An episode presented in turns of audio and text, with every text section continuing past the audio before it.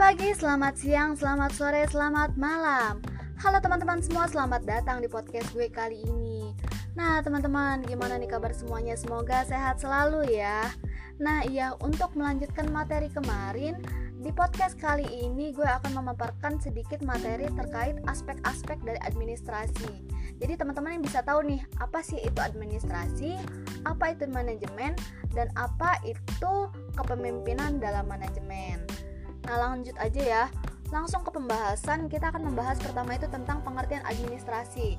Jadi administrasi secara etimologi berasal dari bahasa Inggris yaitu administration Yakni mengelola Lola. Administrasi juga berasal dari bahasa Belanda, yaitu administratie, yang artinya mencakup tata usaha, manajemen dari kegiatan organisasi, dan manajemen sumber daya. Nah, administrasi dalam arti luas juga dapat dikatakan sebagai kerjasama. Kerjasama adalah rangkaian kegiatan yang dilakukan oleh sekelompok orang secara bersama-sama, teratur, dan terarah berdasarkan pembagian tugas sesuai dengan kesepakatan bersama. Adapun pengertian administrasi menurut para ahli Salah satunya yaitu menurut Herbert Simon yang menjelaskan bahwa administrasi adalah sebagai kegiatan dari kelompok yang mengadakan kerjasama untuk menyelesaikan tujuan bersama-sama. Langsung ke pengertian manajemen ya teman-teman. Jadi manajemen berasal dari kata to manage yang artinya mengatur. Selanjutnya dalam kata manajemen tersebut terkandung tiga makna, yaitu pikiran, tindakan, dan sikap.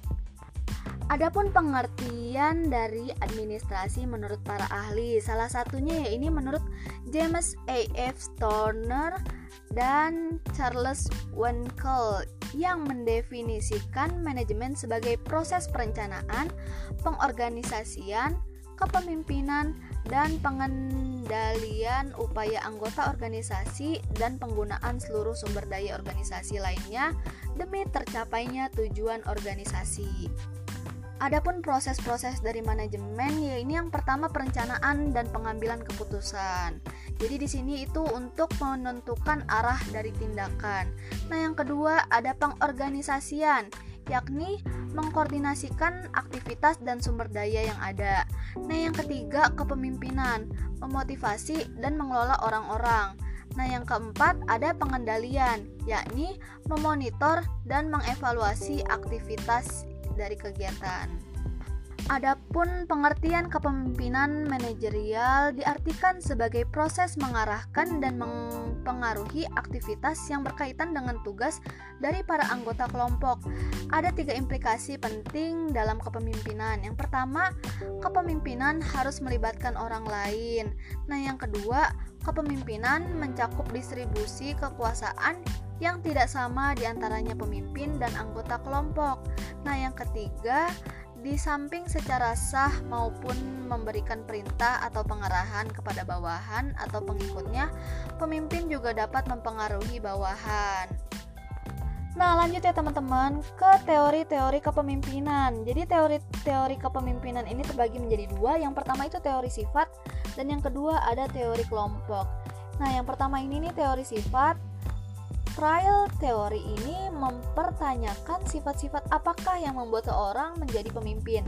Dari teori ini dapat disimpulkan bahwa pemimpin adalah dilahirkan. Nah, yang kedua, teori kelompok.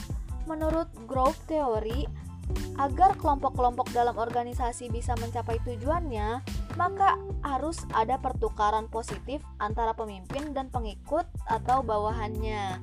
Nah, dari teori kelompok ini ada cabangnya lagi ya, teman-teman. Jadi, ada teori situasional dan model kontingensi di mana studi kepemimpinan ini berangkat dari anggapan bahwa kepemimpinan seorang ditentukan oleh berbagai faktor situasional dan saling ketergantungan satu sama lain. Nah, yang kedua ada teori situasional Hersey dan Blanchard ya ini suatu teori yang kemungkinan yang memusatkan perhatian kepada para pengikut kepemimpinan yang berhasil dicapai dengan memilih gaya kepemimpinan yang tepat yang tergantung pada tingkat kesiapan atau kedewasaan para pengikutnya. Nah, yang ketiga ada teori pertukaran pemimpin anggota. Para pemimpin menciptakan kelompok dalam kelompok luar, bawahan dengan status kelompok dalam mempunyai penilaian kerja yang lebih tinggi, tingkat keluarnya karyawan lebih rendah dan kepuasan yang lebih besar bersama atasan mereka. Nah, yang terakhir ada teori jalur tujuan ya ini pada hakikatnya dari teori ini adalah bahwa tugas pemimpin adalah membantu pengikutnya mencapai tujuan dan untuk memberikan pengarahan atau dukungan yang perlu guna memastikan tujuan mereka sesuai dengan sasaran keseluruhan dari kelompok atau organisasinya. Nah, segitu dulu ya dari podcast kali ini. Sampai jumpa di podcast selanjutnya. Dadah.